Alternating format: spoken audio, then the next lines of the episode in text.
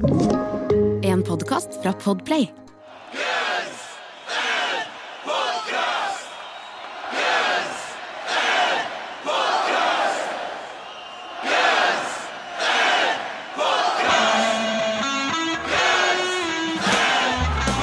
Velkommen til Gunsen Podcast, en splitter ny podcast om Gunsen Roses. Dette var første episode. Mitt navn det er Jørn Kårstad. Med den sida har jeg Eirik Ekki Eckholt. Hei, Jan. Hei. Og vi skal snakke om Guns N' Roses. Det skal vi. Det skal vi. Eh, Vi er glad i Guns N' Roses. Vi er veldig glad i, i uh, Guns N' Roses. Uh, du har vel sett dem 14 ganger live? 14 ganger live. Det var litt skuffa. Jeg trodde kanskje det var mer, men samtidig så har det ikke vært det mest aktive bandet i verden heller i ganske mange år, så jeg er fornøyd. Kanskje du har mer konserter som ikke ble? Type sånn der, Jeg skulle egentlig sittet i 32, men så kansellerte Excel. Ja, Iallfall 17. Jeg har iallfall billetter til 17. Det er jeg helt sikker på. Ja, ikke sant? Jeg har aldri sett Guns N' Roses live. Eh, Det er en verkebull i min, min, min konsertliv. Jeg hadde jo billetter til reunion når de kom til Valle Hovin. Eh, Da måtte jeg sjøl spille, så da måtte jeg selge de billettene. Og siden den gang så har det jo vært lockdown og greier. Um, Så jeg håper bare at uh, på et eller annet punkt får sitte i fremtida, for nå er det jo nå er det jo ekstra stas med Duff og Slash tilbake i bandet. Det er gøy nå, det er gøy nå, så vi får bare lage en avtale her at neste gang de spiller en konsert, så drar vi. Ja, neste gang eller det spørs hvor. Gjør det det? Ja, det gjør det for min del. Altså, du, er, du er jo ganske liberal når det kommer til flyging. Jeg hater det jo. Denne, denne fyren her sa jo til meg for mange år siden at hvis, hvis de reunita med original, eller de som er igjen, så skulle du dra til første konserten. Og det gjorde du jo. Det gjorde jeg. Det gjorde Du Du dro til Coachella, men så annonserte de konsert til. Jeg, dro, jeg kjøpte billetter til Coachella. Ja, det gjorde Ja. du. Og så skjedde det noe Ja, annet. så annonserte de Vegas da før.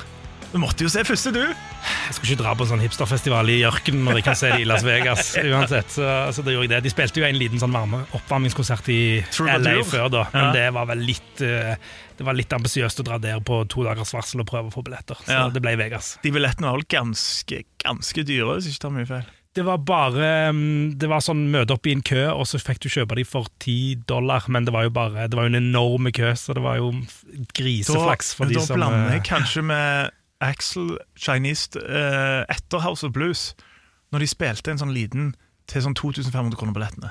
Det kan godt være at du blander med hele Not in This Lifetime-turneen òg, Ja, det kan relativt dyre billetter. Altså. Men ja, neste gang, uh, neste gang de kommer tilbake, oss, så skal jeg være der. Innen Europa? Er det Europa som er, mm, som er liksom området, da. Jeg har en sånn grense på fire timer i flyet. Jeg. Og det er, ikke, er, det, er det miljøhensyn, eller hva er det for noe? Det er mest jeg vil ikke være i et fly for vi dør hensyn. Men kanskje jeg skal gjøre et unntak for, eh, for Gunsen. Men vi skal i hvert fall snakke om alt Gunsen. Og hvorfor har vi valgt oss dette bandet av alle band? Det er mange andre band vi liker. Vi liker Weezer, vi liker Nofix, vi liker Monster Magnet, vi liker mye greier. Det er mye vi liker. Eh, For meg så er jo dette kanskje det ultimate bandet. Så handler det litt om historiene. Det er jo et par røverhistorier ute om Guns N' Roses. Det er jo det, fordi at det, det er mange bra band, men det er få band som bare sikkert har bare Du kan bare ta ett år i livet til Gunsen, og så slår det alle andre band sine røverhistorier. Det er jo så mye vilt her, fra Chinese Democracy, eh, tiden da de f.eks. i studio bygde eh, hønsegjerde til gitarist Buckethead, så han fikk sitt eget liksom ja, En sånn hønsenett der ingen andre kunne være enn han, for han følte seg Um, han følte seg i live der. Samme òg når de signerte Buckethead til bandet, så måtte jo Axel Rose ta han med til Disneyland. Altså, Det er jo så mye med dette bandet. Vi kan snakke ganske lenge om Chinese Democracy, tror jeg. Det, kan. Det, er, det er jo den mest interessante perioden, fordi at han har jo på det punktet fått absolutt alle til å signere en såkalt NDA, No Disclosure Agreement, så ingen vil jo snakke om det. Men de få tingene som lekker ut, er jo galskap. Ikke det at det ikke var galskap før. Det er gull verdt, eh, det som kommer. Det er litt på et annet nivå, liksom. Før var det dop, men nå er det bare ren eh, edrugalskap, egentlig. ja, Det var ikke bare dop, det var vel òg en, en viss funding av paramilitære organisasjoner, var det ikke det? Det var vel det var historien til Matt Sorum det første gang han treffer Axel Rose. Så er han på tur, turné med de sammen med The Cult, som han spilte i. Uh, han og Ian Ashbury sitter i en limo i New York. Uh, Christopher Walken er til stede. er Christopher det? Walken er der, Issy Stradlin er der ganske coked out, eller er, heroinist out. han er fysisk til stede i bilen, Ja. i hvert fall. Mm. Og så kommer Axl Rose inn, og så, så ser han på Ian Ashbury så sier han at han, han i største alvor vurderer å funde en eh, nicaraguansk paramilitær gruppe i borgerkrig. Og Ines blir bare svarer ah, kult. Og det er Førsteinntrykket til Matt Sorum. Uh, og du må jo bare elske en fyr som bare sier sånn. I liksom eh, Han bare gjør faen. Det, det For han er det verdens mest naturlige ting. Han hadde nok ingen rundt seg som regulerte han så mye heller, så han, kunne, altså, han fikk ingen virkelighetsorientering, tror jeg, i det hele tatt. Han kunne si sånne ting, og alle kjøpte det. Ja, det tror jeg. Jeg tror òg at du snakker om Elvis Presley mot slutten hadde Yes Mans. Jeg, eh, jeg vil nå si at Axel Rose hadde Yes-horder. Det var ingen i det bandet som sa noe imot han. Siste som kanskje gjorde det, var Matt Sorum. Han fikk jo sparken. Han, Han er, ikke, han er ikke inne i varmen ennå, han. Nei, han er ikke det, dessverre. Eh, Ganske bitter over det òg i sjølbiografien hans, eh, Double Talk and Jive, som kom ut i år. Som òg Det er jo enda en ting, til og med i 2020 så lager dette bandet overskrifter, for da er det jo snakk om at den er forsøkt fjerna av Gunsen Management, fordi han snakker ganske fritt med et sånt. Han snakker ganske fritt, men den han egentlig begraver mest, føler jeg, er seg sjøl, kanskje. Ja, det er jeg helt enig i. Altså, det er jo en Det er jo en fyr da godt over 50 uten noe som helst sjølinnsikt. Og Da tenker jeg kanskje spesielt at han velger å dele Fellatio-historien med Sebastian Bach, som det er verdens mest eh, chille ting å drive med i 2020. Og det, og det går altså om at de var på turné med Usual Illusion 2, og Skid Row var med, og de var buddies med Sebastian Bach. Eh, og så Matt Sorum i en slags sånn selvforherligelse i den boka her snakker om at han kommer inn på soverommet på hotellet. Der ser han Slash og Sebastian Bach holde på med hver sin dame. Han ser Sebastian Bach gå ned på denne damen nå. Eh, og ifølge Matt Sorum så ser han på hun at hun ikke nyter dette whatsoever. Så han prikker Sebastian Bach på ryggen og sier sånn Skal vise deg? Hvorpå da, ifølge Matt Sorum, at hun nyter dette, og Sebastian Bach sier Takk for at du lærte meg oralsex, Matt Sorum. Yes, det er en av mange historier. Han ble vel fortalt av eh, han ble vel fortalt av Scott Whelan at uh, nå er du litt patetiske. Ja. Og det er jo kanskje Og det var ganske seint, og det var liksom langt ut på Velvet Revolver, 2000-tallet. Ja, det var Velvet Revolver, og da bør du kanskje ta et hint og liksom roe deg litt ned. da ja. Og det beste er jo at han deler jo det i den boka som at Scott Whelan er idioten. Så det, det er jo tydelig Ja, for det er jo tydelig at Matt Sorum var jo han som aldri greide å gi slipp på den livsstilen. Kanskje han har gjort det nå. Hvem vet? Og nå skal vi jo faktisk snakke om eh, den låten som kanskje gjorde at Matt Sørum kom i en posisjon hvor han kan skrive en biografi. At han kom inn i Guns N' Roses i det hele tatt. Ja, vi skal det, for det er det som er greia med den podkasten. Vi skal gå gjennom låt for låt hele Guns N' Roses-diskografien. Fra My World til Night Train til i dag Civil War. Vi begynner liksom der. Vi begynner på Det var et enkelt valg for oss, var det ikke det? Det var det. Eh, For det første, begge to elsker Usual Illusion 2. Eh, Og for det andre tenker jeg sånn da Si hvis verden skulle ende i morgen, og vi kun fikk lage én podkast, så er det greit at det er Civil War, og ikke f.eks. Oh My God, End of Days-soundtracket med Arnold Schwarzenegger. Civil War er en fantastisk låt. Det er ei sånn låt som tar blander sammen alt Gunsten er god på, i én, vil jeg si. Det er det. det er en sånn, eh, han er litt sånn tidløs, føler jeg òg. Det er veldig, veldig sånn tidløs låt. Og så er jo også, som med mange av låtene på Usual Illusion 1 og 2, er det en låt som bandet hadde mange år i forkant. Uh, og der er det jo litt, sånn, litt forskjellige uh, teorier eller kilder. For noen vil ha det til at det her ble spilt inn uh, anno Appetite, men bare ble utelatt fra miksinga. Uh, en tidlig versjon av Civil War. Mens det som kanskje flest kilder har sagt, både i selvbiografiene til Slash og Duff, er jo at etter Appetite på turné i, i Australia og Japan, så hadde jo Slash i, forkant skrevet eh, mye av Civil War. Det hadde han, og Axl Rose hadde fått en um, bestilling, en låtskrivingsbestilling av um, svigerbroren til Erin Everly, datter til Don Everly, som Axl Rose var sammen med. da. Ja. Og, og som han, han sa at han jobbet med Han jobbet liksom i shady business med å selge militærutstyr og funde ting, og det var, det var mye crazy greier med krig. Han hadde, Axl Rose hadde fått en bestilling da, om å skrive om, om det at liksom de rike profitterte på krig, og sånn som det, og det, da tok han den teksten, da. Um, og passet, han passa perfekt med Slash sin, sin riff. Ja, og, så- og Duff er jo òg med, med på den låta der, eh, og har jo skrevet, skrevet flere tekstlinjer etter eget uh, marching band-linjen og sånt. Eh, men han har jo òg Men det her kan jeg ikke jeg er helt sikker på at jeg har lest det en gang i tida, men jeg greier ikke å finne en kilde på det. Så jeg tar det for det det er. Men jeg mener at uh, Duff skrev den akustiske delen av Civil War da han bodde i en leilighet når Issi alltid kom innom for å ta heroin. Eh, men men jeg greier ikke å finne hvor jeg har fått det fra.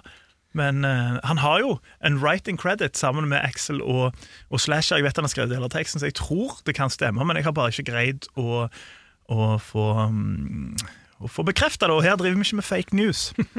Det er jo ingen tvil om at de hadde de, var, de, hadde, de hadde baller når de holdt med Appetite for Destruction, for de, de la igjen ganske mange bra sanger. Og bare sånn Nei, disse skal være til andre album. Altså Vi snakker Don't Cry, liksom, som Ja. plateselskapet var desperat etter å få inn. November Rain. Ja. Som bare lå der, og de sa nei, men dette her skal være med på andre albumet. Dette her, dette her er ikke for nå. Nei, Og da er du ganske, du er ganske kald da, altså, når du klarer å gjøre det. du er ekstremt kald, men det skal sies at uh, Tom Suthout, som var jo A&R-en uh, til, til Guns N' Roses, som også i ettertid er kjent som mannen, eneste mannen som greide å få dem til å gjøre et eller annet, uh, han er visstnok skyld i at November Rain det er det er òg liksom forskjellige historier rundt, men han overbeviste visstnok Axel om at November Rain ikke skulle der. Eh, som visstnok Axel i mange år etterpå var jævla bitter for. Okay. Men samtidig så har jo Axel eller mange historier gått på at eh, November Rain han bare var ikke klar, så han ikke fikk han perfekt. Så det, det er vanskelig å se hva jeg skal tro på. Samme òg med det her um, at Civil War var, var en av låtene i Appetite-inspirasjonen. For de sier jo at de skrev den på soundcheck i Melbourne, ganske ferdig med Axel kom med, med, med låter. Og så dro de til Chicago, det her fantastiske skrivesession der de skulle til Chicago. Der Steven Adler drar, Duff McKagan slash drar, men Axel Issy kommer jo aldri. Så de er vel i syv uker før de kommer og bare ruser seg og koser seg. og Slash kjørte visstnok BMX opp og ned i Chicago, ble sitte der. Så, men da skal de òg ha skrevet ferdig det musikalske i Civil War. De fikk gjort mye der. De, de tror de hadde det litt tøft. Axel Rose sier ok, men nå skal vi til Chicago og spille inn album. Så og, så, og så drar alle andre unntatt Axel og Issy Jeg tror de regnet med at Issy han gjør som han vil, på en måte Ja. uansett. Ja. Men liksom Axel som bestemte at det skal være i Chicago, han, eh, han kom ikke til Chicago. Han dukka vel opp helt på slutten, når de var helt eh, utkjørte. Eh, men da hadde de i hvert fall på et eller annet punkt da, fra soundchecking, eh, for det var vel sånn det starta med et eller annet sånn riff slash hadde, og så fikk de en ganske ferdig låt. Eh, og så var det jo tid for å spille den låta, da. Det gikk ikke helt problemfritt, det. Nei, det gjorde ikke det. Steven Adler, som var trommis på det tidspunktet, han hadde sine kamper. Han hadde sine kamper, og Steven Adler er jo liksom han er den ultimate gladgutten. Der liksom sånn, alle andre hadde liksom forskjellige greier, så var jo han bare um, Han var bare sånn han glad, sånn som han sjøl- sa han likte. Han hadde tre P-er jeg likte. I, det var hva det, Pussy Pot and uh, Punk, eller noe sånt. Et eller annet sånt sitat han hadde. Men han, liksom, han likte å leve, og likte å spille trommer. Og det er jo ingen tvil om at disse, de fleste gutter i Guns N' Roses likte å leve, mm. men jeg tror på en måte at eh, de andre hadde et sånn innebygd filter som handler om at eh, ok, nå er det slutt å være helt totalt idiot, nå må vi faktisk fokusere for å få gjort noe.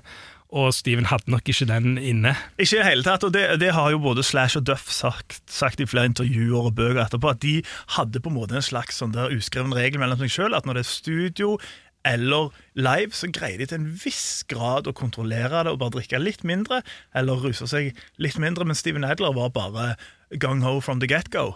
Eh, Han var det, han, eh, og han mista nok, eh, nok fokus ganske ofte, tror jeg. Han er litt som en sånn han, han minner meg litt om sånn bikkja som sitter med hodet ut vinduet med, og bare med tunga ut og bare, Ja, ja, og bare ser ja. på alt og er helt sånn eh, han, han er, Og det er på godt og vondt, liksom. Ikke sant? Han, er, han er sikkert den snilleste fyren som har spilt i Guns Roses noensinne. Det tror jeg så absolutt at han er. Men så er det jo òg den der eh, historien han ble kasta ut hjemmefra da han var tolv år.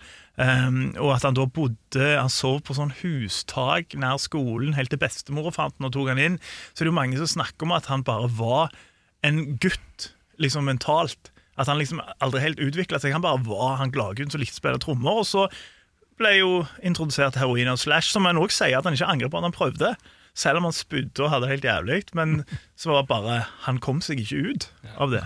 Han kom seg ikke ut, så han klarte ikke å si nei. Nei, han greide ikke det. Og så kommer vi jo da til innspillingen, eh, fordi Civil War dukker jo opp. Før Usual Illusion så dukker han jo rett og slett opp på en, en veldedighetssamler, Erik. Han gjør det. Det er en veldedighetssamling for, eh, for eh, foreldreløse barn i, i Romania, som er satt sammen av George Harrison fra, fra Beatles. Eh, og Axel Rose forteller om en litt sånn rar uh, surrealistisk ting om at uh, det er Tom Petty som ringer til Axel Rose. Og Det er spør, fett, det er og, fett. Ja, og spør du, kan George Harrison få lov til å ringe deg. og Axel Rose sier ja, det er greit. det. og spør da om han vil være med på dette albumet med masse andre band som nok ikke i samme kategori sjanger, men, eh, men masse kjente band. Så i hvert fall Elton John tror jeg var med. Ja. Hmm, så så de, de spilte den. Og så det, er jo, det, er si, det er jo litt sånn Det er jo litt sånn gøy og breialt. Jeg sier, hvis, altså hvis noen hadde spurt om jeg skulle være med på en eller annen samler, så hadde jeg gitt en drittlåt. Liksom, Jeg ville ikke ta vekk liksom, Nå tok de han faktisk ikke vekk fra, fra, fra plata heller, han er jo der. Men liksom, jeg syns det er ganske ballsy å ta en av de beste låtene de noen gang har skrevet, og bare gi den til en samler. Jeg tror det var så enkelt som at det var den sangen de hadde kanskje mest ferdig av de Ja, ja. sangene som var. ikke sant? Men ja, det er helt sant, det er ballsy. Og, og, og i forhold til det så hadde de jo en konsert eh, De hadde spilt én konsert i 1990. Det var noe som heter Farm Aid. Det var i Indiana. Det var i Indiana. Axel, Yes. ville, Axel ville vise seg fram for venner og familie. Han, han ville det, så, så da dro de, um, da dro de og de, det er ikke så mye kommunikasjon de imellom på det tidspunktet der. Så, så um, Steven Adler møter opp. Han skal liksom gjøre en sånn fin entré, og, og ender opp med å tryne på vei opp til trommene. Han tryner. Og ifølge han sjøl så er, han ikke er det ikke fordi at han er full, han bare tryner. Mm. Eller han er ikke rusa. Jeg vet ikke om han er sikkert rusa, men han er ikke så rusa at han tryner. Eh, og mens de andre bare liksom rister litt på hodet og tenker Ja. 'herregud, nå er han på igjen'. Og så for å gjøre ting enda bedre, så kommer Axl Rose ut på scenen, og så sier han ja, dette er en sang som heter Civil War. og Steven Adler bare sånn Hæ? Jeg har liksom spilt den to ganger, men aldri med Axl Rose. Jeg hadde ikke peiling på å spille den sangen nå. Ja, for Det hører jo også med til at, eh, med historien at Axel Rose ofte ikke var på soundcheck. Han ofte ikke var på øvingene. Jeg tror aldri han var på soundcheck så godt som uh, Iallfall ikke eh, etter en liten periode. Han var vel til og med ikke når de spilte med Rolling Stones. Det var jo da det kom den legendariske linja til Keith Richards og Mick Jackson. Where's your singer, man? Ja, nei, han, hadde ikke, han hadde ikke noe tro på, på lydsjekk. Han, Axl. Rose, han, han måtte jo forberede seg i hvert fall fem-seks timer i forkant. Det. på forskjellige måter. På Mhm. forskjellige måter. Men ja, så fyker han han trynet, og så starter de Civil War, og spiller han for første gang. Spiller han for første gang, og du ser jo at Duff må gå bort til han og si sånn at nå skal du gjøre sånn og sånn og sånn, nå skal du gjøre dette. Um, Ja, jeg- og du, du syns han klarer seg greit. Ja, fordi altså, jeg, altså Og de har jo, snak, de har brukt det i ettertid for det det har vært. Duff og Slash og co. De snakker om det at ja, du kan se Duff står der, og Duff var trommis måtte instruere han. Det kan godt være sant, det, men for meg så ser det mer ut som bare Duff står og spiller og ser litt på han. For jeg syns ikke den uh, liveversjonen er galen i det hele tatt. Og nå, kjære lytter, skal vi liksom utfordre dere til å gå og høre på dette her sjøl, kanskje, ikke på Ja, ja. YouTube, og så få komme med egne meninger. For jeg, jeg syns det er tydelig det er ikke, altså, Til å være en sang som en ikke hadde peiling på at han skulle spille, aldri tenkt på, så klarer han seg jo greit. Ja, det tem- tempoet er opp og ned, og det, det, det er mye rare greier. Du hører at han ikke vet helt hvor han er. altså. Men er det så mye opp ned i det tempoet, da? Få se, jeg vet ikke. Jeg Det, ja. Dette skal vi høre på sammen etterpå. så skal vi finne ut av det. Ja. Og så bare som en liten sånn ekstra punchline, så spiller de etterpå, som Steven Adler sier, en sang han aldri har hørt i hele sitt liv. Ja, Det er Down on the Farm, UK Subs. UK Subs-cover. Eh, Så seinere kom på Spaghetti Incident. Jeg gjorde det. Og det Axl Rose si, det, det er Farm Aid, så dette er den eneste sangen eh, som handler om farm som jeg kan. Og dette er en sang som heter Down on the Farm, og da har ikke han peiling. Nei. Og det hører du ganske tydelig. Men han klarer det jo kjempebra, liksom. Men, men, men han, han sier sjøl at han har aldri hørt den sangen i hele sitt liv. Og det kan være sant, og det kan være ikke sant. Du, vet, jo, alle. du vet jo aldri uh, med den gjengen på det tidspunktet, og spesielt Steven Adler, som var jo full on heroinist. Da. Eh, og da går vi jo videre til det som jo ble hans bane, fordi at eh, han prøvde jo Når de skulle spille inn Civil War til plata, så prøvde han og prøvde han, og fikk det jo ikke til. Um, Det ble klipp og, klipp og lim. ja, ifølge Slash uh, er det 60 takes som utgjør uh, Civil War, og ifølge Duff så var det han og Mike Klink uh, som produserte plater, som satt og klippte dette her.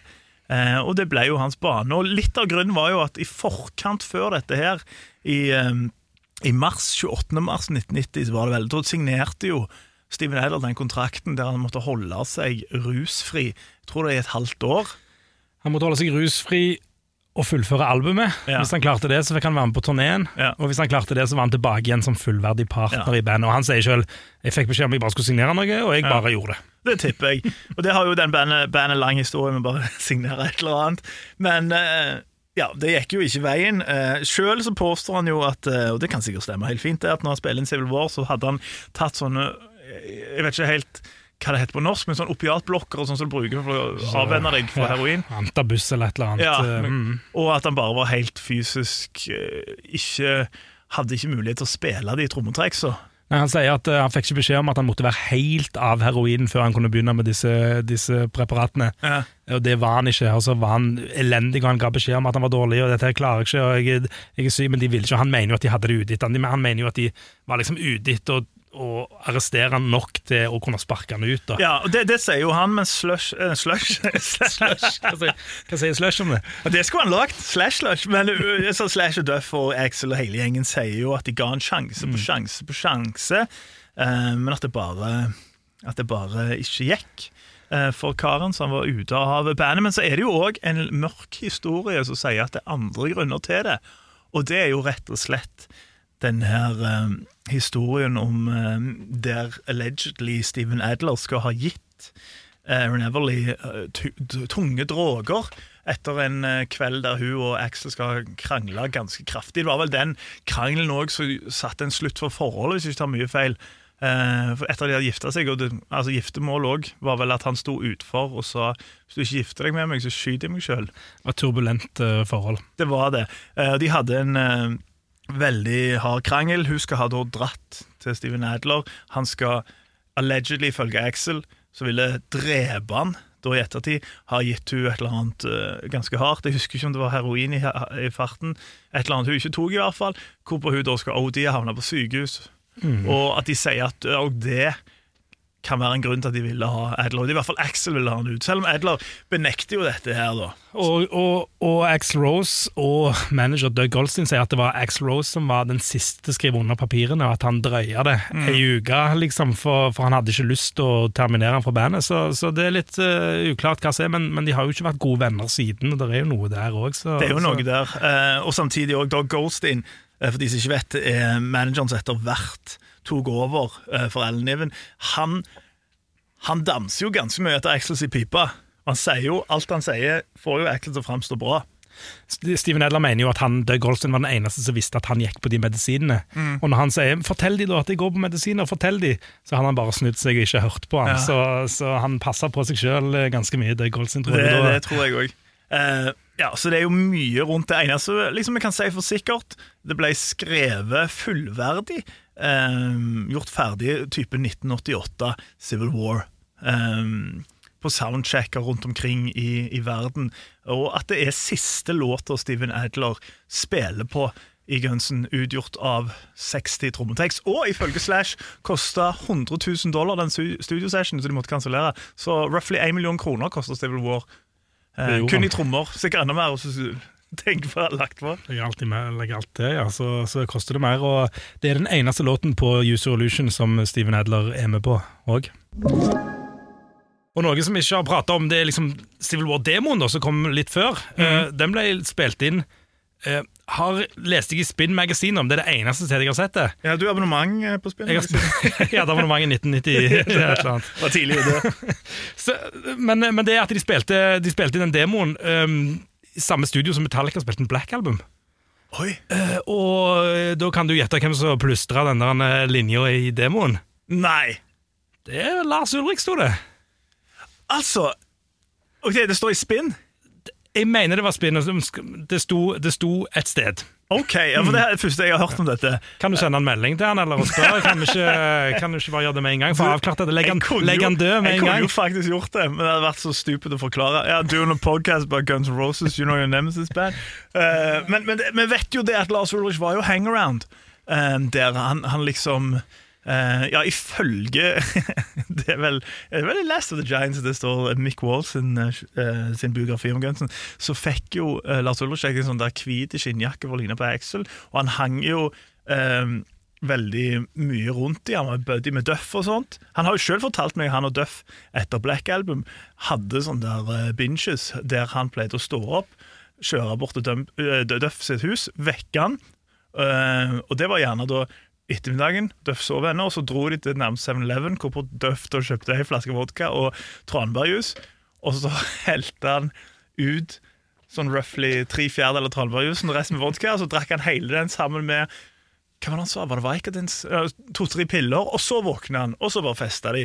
Eh, Så det kan jo Altså, det gir jo mening at eh, Men jeg har aldri hørt før, men det er jo veldig gøy i så fall. Han er som sagt, den, den er, den, Jeg måtte grave dypt for å finne den der, altså. Som, eh, men det er gøy å tenke at det kan være sant. da. Ja, Men det er jo ofte sånn, altså, for eksempel, hvis du tenker på, eh, på Danzig sin debutplate, så korer jo James Hetfield der på mange av låtene, men han er ikke kreditert. For han var, da kan han være- han var innom der òg. Eh, så det er, det er veldig gøy å tenke på. Eh, så vi får overlate rett og slett deg å høre på om du vil tro på det eller ei. Jeg tror på det. Jeg velger å tro på det. Og så nå må vi jo rett og slett snakke om låta, ikke historien bak, men låta, det musikalske. Eh, hva kan jeg si? Jeg syns det er en helt fantastisk låt. Første gang jeg hørte det, og den dag i dag. Eh, bare innpusten på det samplet fra Cool Hand Luke får meg i stemning. Han kompisen en gang vi var på en eller annen pub, han hørte kanskje et millisekund sånn på anlegget. Sånn sånn da Guns N' Roses Civil War! Liksom sånn, Det er et eller annet helt magisk. Det er en perfekt bruk av sample. Såpass bra samplebruk at Axel sjøl bruker det i Madagaskar igjen mange år etterpå. Ja, den, er, den går igjen, rett og slett. Det er litt spennende. Det, Ja, det, det, er, en kjent, det er en kjent film. Du sa det, Cool Hand Luke. Ja. Eh, som alle filmer på 60-tallet, så heter han Rebell i, er rebell i navnet. Med, Hjelp, jeg er rebell! Hjelp, jeg er rebell! Det var en fengselsfilm, var ikke det? Rebell i kjetting eller et eller annet? Den heter på norsk, tror jeg. et eller annet. Ja, med han eh, Paul Newman. Paul Newman, ja. Rebell i lenker, heter han. Rebell i lenker, ja. Høres ut som en, en norsk eh, norsk, eh, norsk oversettelse. Og det som Lars Ulrich for så vidt plystrer i starten, er jo Og det er litt sånn, sånn fiffig easter egg av Gunsen. Det er jo faktisk ei låt fra den amerikanske borgerkrigen, 'When Johnny Comes Marching Home'. Selv om det står på Wikipedia at det er Axel Rose så eh, tar og plystrer i introen og utroen. Men vi velger å tro på det Spin Magasin skrev en gang på 90-tallet. Men nå snakker jeg om demoen, vet du, så, så jeg tror på originalen. Så er det nok, eh, så er det nok dessverre Det ja. Det er ikke meningen å ødelegge den bobla di deres, men, men eh, det var demoen, da. Ja, det var demon, faen. Ja, ja. Sånn er det. Det er Men iallfall en bra start på låten. ja, for, for Og for ei låt det er òg. Altså, liksom, OK. Um, han er jo kanskje ikke en eh, eh, politisk eh, lyrisk geni på lik linje med type Chris Hanna og Greg Reffin i Bad Religion. Det har blandet inn ganske mye greier der. Vietnamkrigen, det er noe John F. Kennedy og, og mye ting sånn tekstmessig. Men av en eller annen grunn har det alltid hørtes helt rått ut. Det er et eller annet, det treffer deg følelsesmessig på en eller annen måte. Det er formidlingen av et eller annet som er, som er bra. Peace will last forever, my first memory shot Kennedy. Ja, det er fantastisk. Ja, det er vakkert. eh, Og, det, og det, det er vel det første liksom, Første gang de har bevega seg mot politikken i det hele tatt, egentlig. Er det ikke det? De har jo òg beveget seg mot den mer mørkere delen av uh, politikken, en sånn ytre, ytre høyre i One in a Million, men det er en helt annen episode. Ja, og jeg tror ikke det var en politisk statement Nei, på det samme tror måte. jeg ikke. Så- Det tror jeg ikke. Jeg tror ikke helt han visste hva han gjorde, men eh, det får vi ta når vi tar den låta der. er, eh, det er mye å snakke om det òg. Det er mye å snakke om der. Men ja, også altså, sånn, musikalsk instrumentalen er jo helt upåklagelig. Eh, Det er ei helt fantastisk, nydelig låt. Ja, og så er det jo første låten til, til en viss Dizzie Reed, da. Dizzie-en. Ja. Og, og du tenker jo ikke at det mangler så mye keyboard på Appetite for Destruction, egentlig. Det, det står for seg sjøl. Men eh, fy faen, det er kult med, med sånn piano og keyboard på, på mange av disse Use Illusion-sangene. Altså, han la til et lag der som, som ganske Som i Civil War står ganske, står ganske bra, syns jeg. Ja, og Dizzie, er jo arbeidsjernet. Han har liksom sånn, Etter han kom inn i Usual Illusion, han har jo aldri forlatt Axel. Alle andre har gjort det, ikke Dizzie. Noen vil ha det til. Jeg mener det Matt Sorum i selvbiografien hans, som sier at det av Dizzie Reed på Usual Illusion-turneen gjorde såpass mange kvinner eh, gravide at han trengte rett og slett de pengene. Så kommer vi og spiller Guns N' Roses. Det tror jeg på. Det er en god nok grunn, det. Det er god nok grunn. Han eh, var på um, han, eh, Axl Rose hadde fem år før Når, om, liksom, når de har disse sangene Så de vet at de kommer til å gi ut etter Appetite for Destruction, så vet de at de trenger noe keyboard. Så Axl Rose sa fem år før at det, vi kommer til å spørre deg om å være med i bandet. Um, så vær klar, liksom. Og så var, det noe, han så var det noe mer snakk om det i en periode, og så snakket han med Axl Rose og sa han, du vet du hva, i morgen så blir jeg kasta ut hjemmefra. Jeg mister telefonen min, du kommer ikke til å få tak i meg. Det var liksom ikke, det var ikke, det var ikke SMS-er, det var liksom Det var røyksignaler i så fall, hvis du skulle ta ha tak i han. Eh, og da hvor, uh, hvor Axl uh, snakker med manageren sin, tror det var Niven på det tidspunktet, og sier at nå må vi bare, må bare lande han, liksom. Og så, og så den dagen han mista leiligheten, så fikk han telefon at nå er du i Guns N' Roses. Det må være rimelig fint. Så han er litt lojal, tror jeg òg, til Axl Ja. Ikke sant? Og, og jeg tror ikke han ble tatt så godt imot i begynnelsen. Jeg tror ikke Slash følte behovet for keyboard på samme måte som det Axl Rose gjorde. Slash ganske famøst hater jo det. Han snakker jo òg om at han sjøl har tidlig mikser uten keyboards og alt som høres så mye bedre ut. Jeg vet ikke, jeg. Men Slash har jo alltid likt det Slash har likt. Eh, men jeg tror kanskje tror kanskje Axel så noe ekstra. Jeg vet ikke hva han syns om to keyboards som er med nå, det, men, han, men pengene ruller inn uansett. Ja. Dette skal vi diskutere det- Det skal vi, men uansett, den låta her er helt fantastisk. Det er en av de absolutt beste Guns-låtene noen gang. I hvert fall topp fem, kanskje topp tre òg, for min del. Og Når vi snakker om rangeringer nå, så skal vi jo faktisk eh, rett og slett eh, gi en karakter på denne, på denne sangen her. Vi skal det, for vi har jo vi har satt oss et hårete mål å gå gjennom hele Gunsen-diskografien, låt for låt. Eh, Så tok vi var litt snille med oss sjøl og tok en ganske gromlåt som eh, nummer én, som vi starter med. Men vi skal rett og slett rangere de fra null til ti. Fra null til ti, Det er, så mye å ta av at det blir null til ti. Det er, er mange nyanser her. Ja, for vi har vært innom å ha sånn type fem opp til fem, eller terningkast, men hvis du tar, eh, null til ti, så har du mye. Da har du mulighet til å si eksempel ja, den er syv av ti, men den er åtte av ti. sant? Den, er- den slags Det hjalp meg litt i dag. jeg må si Det det var litt lettere å ta avgjørelsen, da. For jeg, var, jeg sleit litt med, med Ja, For meg, meg var det veldig, veldig klart fra med, med plukkene. Jeg kan godt gå ut med hva jeg gjør denne låta. Kjør. Ti av ti. Full pott. Full pott! Full pott. Full Ja, ja. Hvis det er noen som fortjener full pott, så er det Civil War. Og jeg var liksom litt sånn Terningkast. altså Er det en femmer eller er det en sekser? Det syns jeg var vanskelig. Mm. Uh, så når vi går fra null til ti, så er det nier for meg. Det. Og det er litt fordi at det er kanskje litt, kanskje, kanskje litt urettferdig. Men det er første sangen, liksom, og jeg vet det er et par andre som, som kommer til å komme på et eller annet tidspunkt som jeg, som jeg kanskje pusher litt Jo, men mer. Det er jo ingen regler som sier at du ikke kan gi mange ti av ti. Altså, tro Det kommer til å komme mange ti. av ti. Det gjør det. Det, gjør det. det kan være at jeg angrer som en hund på dette i Men nå har du sagt det. Nå har jeg sagt det. Nå Han som er hører på, eller hun Ja. eller hen som hører på nå, vet at Eirik Eckholt syns Civil War er ni av ti. Vet du, Eirik Eikholt hater Civil War, kommer de til å si ganske, ganske snart. Det er Nå. Hvis Axel Rose hører på dette, du vet hans brasilianske management, de saumfarer nettet etter noe om Gunsen, så finner de sånn Uh, there is this guy from Hinna uh, in a podcast who just gave you 9 out of 10, Axel Rose. Cease and desist. Cease and desist. Ban him for life! Men det var 10 av 10 for meg til Civil War, 9 av 10 fra Ekkien til Civil War. 19 av 20, det er bra, det. 19 av 20. Og da høres vi rett og slett neste gang. Ha det bra. Og nå, du som hører på, skal du få nyte den i sin helhet uten to rogalendinger som snakker oppå. Dette er fra Usual Illusion 2, Guns N' Roses, Civil War.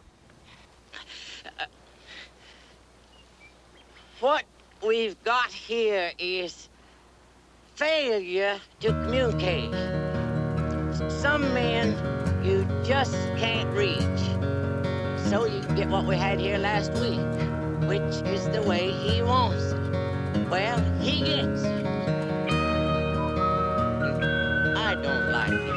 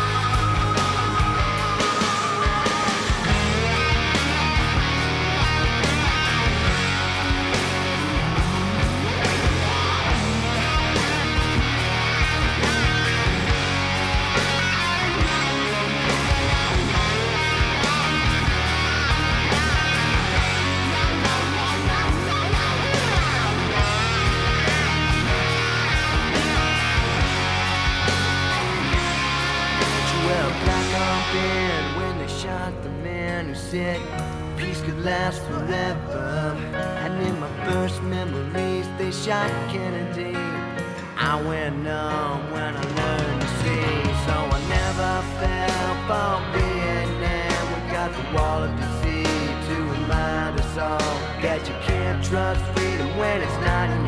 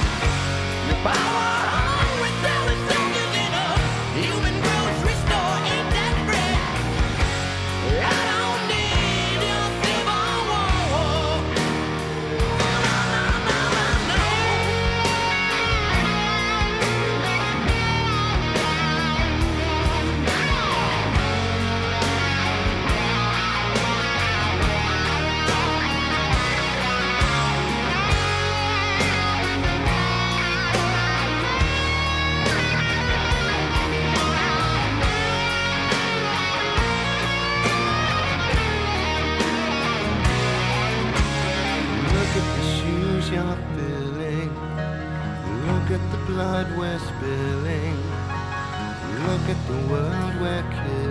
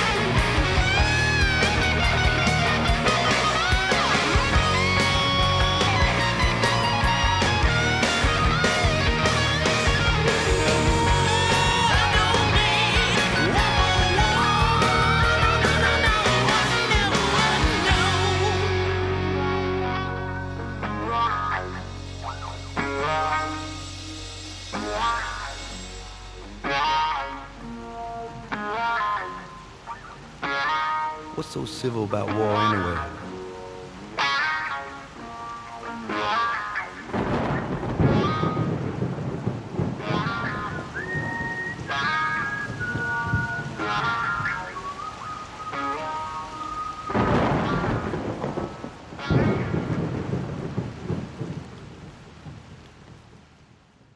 Du har hørt en podkast fra Podplay. En enklere måte å høre podkast på.